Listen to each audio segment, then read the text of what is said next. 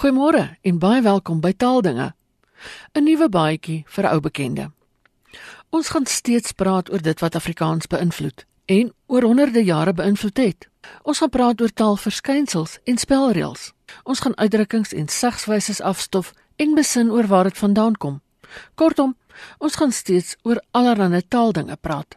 Die afgelope week of wat is daar ook oor Afrikaans gepraat by die KAK&K op Oudtshoorn. Die onderwerp was: Maak jy vyande van of vriende vir Afrikaans? Met ander woorde, hoe veg jy vir Afrikaans? Een van die deelnemers aan die gesprek was Dr Teens Elof, die voorsitter van die Trust vir Afrikaanse Onderwys. Ek het hom gevra oor sy antwoord op die vraag. Die gesprek by die KAK&K was in die eerste plek daaroor dat Afrikaans onderbeleg is en hoe hoe reageer mense daarop? Uh en is ons wat uh die beleg teenstaan is ons vriendelik genoeg. Nou ehm um, van van die paneellede het gesê Afrikaans met 'n vriendelike gesig wys ons het baie om te vertel vir ander tale wat ons doen hoe ons doen en en, en ek het daarmee 100% saamgestem.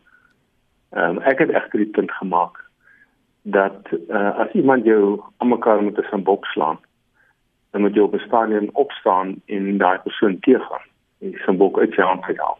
En en daarom dink ek dit dit is uh die veg en veg op vry is uh is 'n valse teenstelling. Uh, dit hang af van die situasie. My indruk is dat gewone mense van ander taalgroepe is is vriendelik oor Afrikaans en gewone Afrikaans sprekende is vriendelik oor Afrikaans. Maar dat in die politieke sfeer en hier en daar in, die intellektuele sfeer is daar uh, groot vyandigheid en, en selfs uh, uh, tot tot so 'n mate dat mense Afrikaans wil wil verbied wil wil jy mal uitdaag. Ehm um, en ek het ek het die punt gemaak en ek maak dit steeds dat uh, ons realisties is. Uh, ons meneer Lesofie te oortuig van ons bona fides en vriendelik ons is aan van sy ideologiese posisie niks niks verander nie. Uh, nou die vraag is natuurlik hoe veg mense. En, en, en moet veg is natuurlik 'n metafoor, 'n simboliese term. Uh, dit beteken nie ons gaan le letterlik wapens uithaal of met stokke gaan slaan nie. Dit gaan oor watter metodes mense gebruik om te veg. En ek dink uh, daar is is gewoon om jou stem te laat hoor. Uh, gewone mense hulle stem te laat hoor in die koerante uh, oor die in die media uh, is een belangrike manier om te veg daar is ook hofsaake waar dit van toepassing is waar dit nodig is. Ek dink oorval is 'n is 'n goeie goeie voorbeeld daarvan. Want as die hoërskool oorval net gedoen het nie net ingegee het, dan was die skool uh ten minste in 'n uh, aanvangsfase van dual medium en dit het ons lei in die meeste gevalle tot 'n enkel medium Engelse skool binne 5 jaar.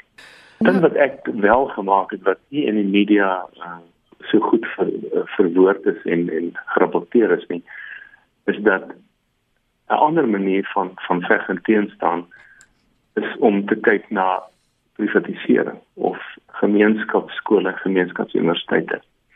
Daar is reeds 'n uh, een uh, gemeenskaps- of privaat Afrikaanse universiteit uh, akademie. Uh, dis baie kosbaar vanweë die model van van afstand maar dit is ook sodat ons moet kyk as ons realisties wil wees. 5 jaar gelede het ons nie gedink dat ons vandag sou sit met eintlik maar net een kampus in die land, Potchefstroom waar jy nog volledige graad in Afrikaans kan kan neem. Stellenbosch is dit onder sekere omstandighede nog moontlik, maar ek dink die druk is baie hoog uh op Afrikaanse studente om nie hulle reg om Afrikaans onderrig te wil hê uh, uitoefen. Hmm en daarom moet ons leer die universiteite en en wat wat daai en ander betref reeds nou begin met 'n parallelle strategie om baie hard te stry en te veg en te te werk om Afrikaans in openbare skole in stand te hou. En daar is maar slegs 5% van alle skole in Suid-Afrika is enkeltalig Afrikaans. En mens dink dat 13.5% van die bevolking praat Afrikaans dan wys dit reeds dat daar iets fout is. Hmm. En dat mens probeer om ten minste daardie skole en die skole wat parallel op dubbel medium is solank as moontlik Afrikaans in daai skole ook te werk. So ek dink dit is dit is 'n eerste strategie. En daarvoor is daar 'n spesifieke organisasie onlangs gestig. Hy gaan hy gaan eersdaags aankondig dat wie die uitvoerende hoof gaan word ons noem die Afrikaanse onderwysnetwerk, die AON. En die doel daarvan is om juis skole wat Afrikaans as onderrigtaal wil behou of in 'n enkeltalige of in 'n dubbel of 'n parallel medium situasie om hulle te ondersteun uh, op op allerlei maniere. So dis een dis een strategie. Die tweede strategie is egter om te kyk na privatisering. En 'n klomp van die onderwysorganisasies, dis nou SOE en FITS as 'n skoolondersteuningsentrum en Artikel 4 en 'n hele klomp ander het onder leiding van die Trust Afrikaanse Onderwys uh, so 2 jaar gelede eers keer vergader en die die besluit daar was dat ons moet begin om ondersoek te doen, navorsing te doen na die van 'n maatskappy wat uh enkel medium Afrikaanse meerrassige skole kan oprig en bou en bestuur uh op 'n private grondslag. En weet ek as mense privaat hoor dan dink mense altyd aan die elitistiese Engelse privaat skole soos Michaelhouse of Sisterbeens of so.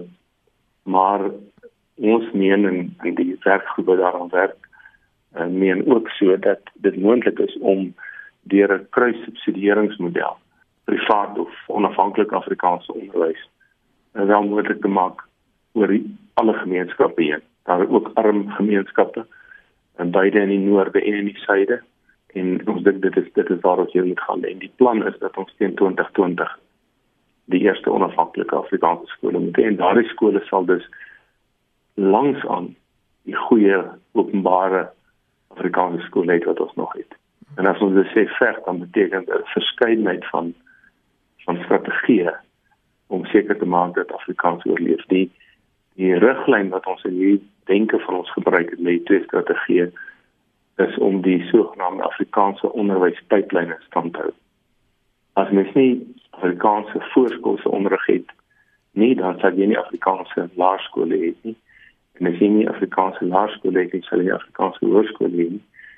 En as jy sonder Afrikaanse hoërskole is, Afrikaanse hoër onderwys ook nie moontlik nie. Aan die ander kant moet seker maak dat daar 'n pipeline sterk bly en dat hy nie gebreek word nie.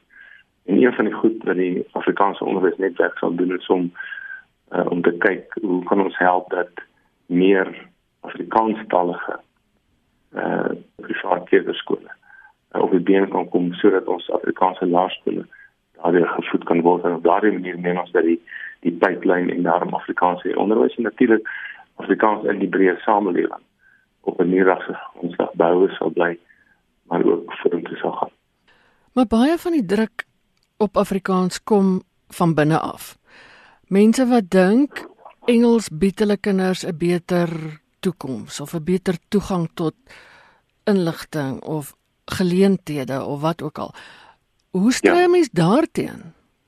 Ek ek het ek het ook in die onderhoud gesê dat die die aanslag is van binne en van buite. So dat ek praat oor die aanslag van binne. Ehm um, en dit dit gebeur meestal met ouers, dit gebeur ook met leierskap al van ons universiteite wat gewoon net kapituleer met Engels. Maar ek dink veral die probleem lê by ouers en dit is ouers in die wit en die bruin gemeenskappe. Ja wat meen dat Engels hulle kinders beter toerus vir 'n uh, eh, wêreld daar buite. Nou dis natuurlik 'n ou argument. Ek dink ons het dit in die 1930 ook gehad. Eh uh, toe ons 'n deel van die Britse ryk was, eh uh, het baie van die die nerves het van die Merwys geword. omdat hulle die taal van die van die uh, empire uh, aangeneem het. So dis nie 'n nuwe argument nie. Maar dit is 'n totaal verkeerde argument. Dit, dit laat twee dinge heeltemal buitreken. Die ene is dat alhoewel Engels tegnologies uh, en wetenskaplik oomblik die primêre wêreldtaal is, daar baie ander tale is, soos Chinese, Mandarijn spesifiek, Frans, Portugees en Duits wat baie sterk gebruik word. Trouwens, in die top 100 universiteite in die wêreld is 40 nie Engelssprekend nie. Dit gee mense die idee dat die dat dit 'n mite is dat Engels die enigste manier is waarop mense kan presteer. Ja. En dit neem ook nie in ag dat baie van ons top sakelei wat vandag nie net in Suid-Afrika maar ook buite Suid-Afrika sit, het in Afrikaans skool gegaan. Uh, ek dink aan iemand soos Juan van South van Toyota. Uh, ek dink aan iemand soos uh, Koos Becker wat leidende rol speel internasionaal. Hulle is gewoon Afrikaans. Hoekom wat vir hulle goed is, hoekom is dit nie vir vandag se kinders goed? Maar ek dink die ander groot faktor wat ouers vergeet, Ina, is dat dis internasionaal bewys, nie net in Suid-Afrika nie, internasionaal buite Afrikaans om dat moedertaalonderrig gee die beste geleentheid om kognitief te ontwikkel. Daar's baie van ons wat meen dat ons probleem in Suid-Afrika met wiskunde, waar ons regtig met 40 lande nommer 40 is. Uh, is nie 'n syferprobleem nie, dis nie 'n wiskunde probleem, dit is 'n taalprobleem. Uh, en hier gaan dit oor Engels dat baie van die swart leerders skakel te vinnig oor na Engels toe sonder om daardie uh, kognitiewe fase van die ontwikkeling in hulle moedertaal te te, te, te ondervind en dat hulle daarom nie wiskunde kan doen nie. Hmm. Nie omdat hulle dom is nie. Ja. Maar omdat hulle te vinnig oorgeskakel het weg van die moedertaal af. En dit is natuurlik presies ook waar van Afrikaans.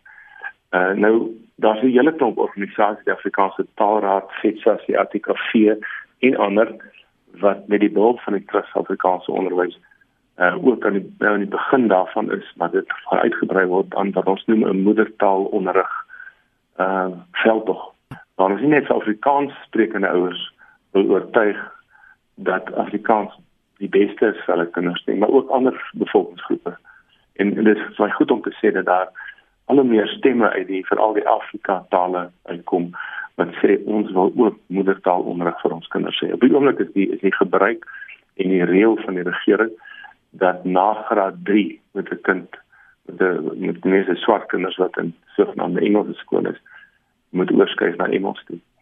Maar dit gebeur nie altyd nie, want altyd Engelse onderwysers nie of onderwysers wat Engels magtig is nie. Ehm um, en die internasionale beste praktyk is dat mens moet tot ten minste graad 6 en verkieslik graad uh, graad uh, 8 uh, of selfs 9 in jou moedertaal onderrig kry. Ja. ja. Ehm ja. um, en en dit doen ons in Suid-Afrika nie. Uh, en as internasionale bewyse dat as mens dit nie doen nie dan dan word jy bevolking dan benadeel. So om, om saam te vat, ek dink dat ouers baie keer kortsigtig is.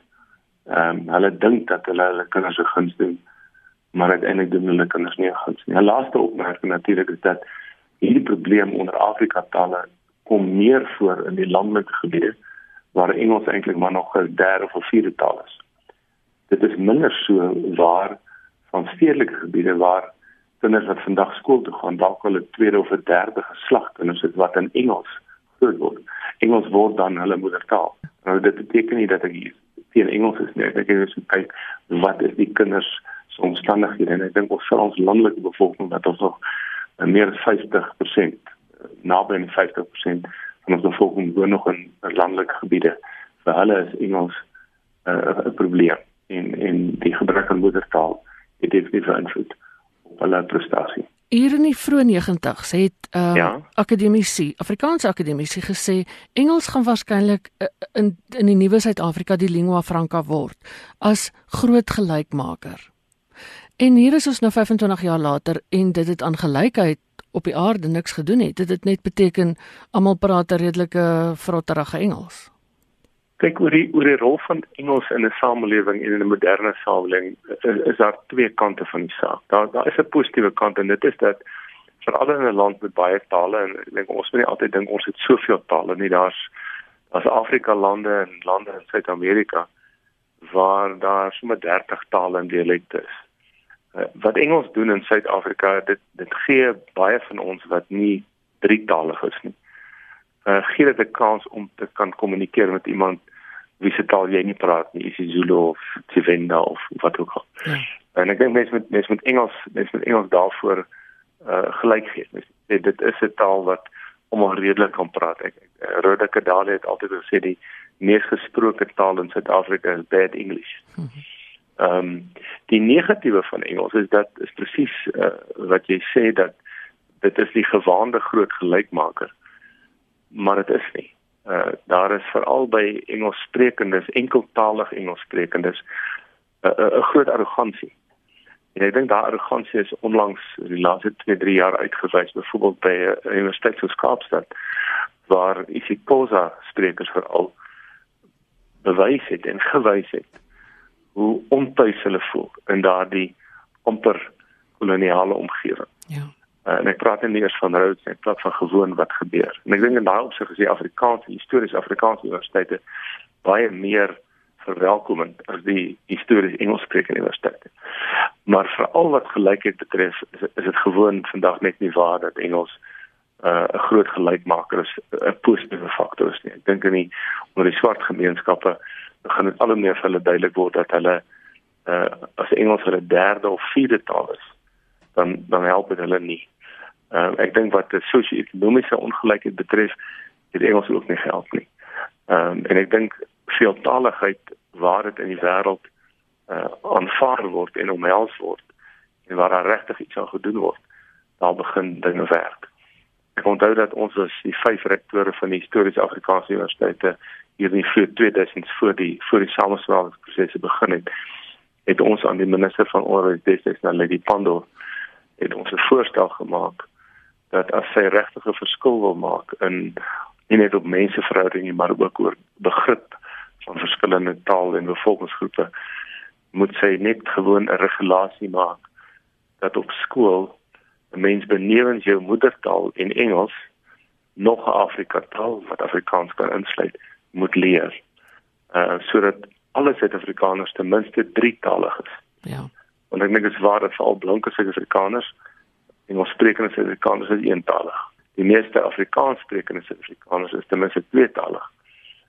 Die meeste swart Suid-Afrikaners kan drie of vier of vyf tale selfs praat. En ek dink dat ons as Afrikaans sprekendes 'n groot groot verantwoordelikheid en uh, as ek vandag my kinders skool toe moet stuur sou ek gesê gaan leer om ordentlik Setswana of isiZulu.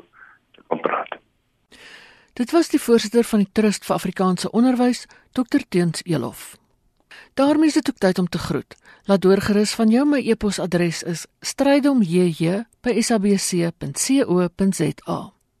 As jy weer na die program wil luister, kan jy die potgooi aflaai by rsg.co.za of om 3 uur donderdagoggend na die herhaling luister in deernag.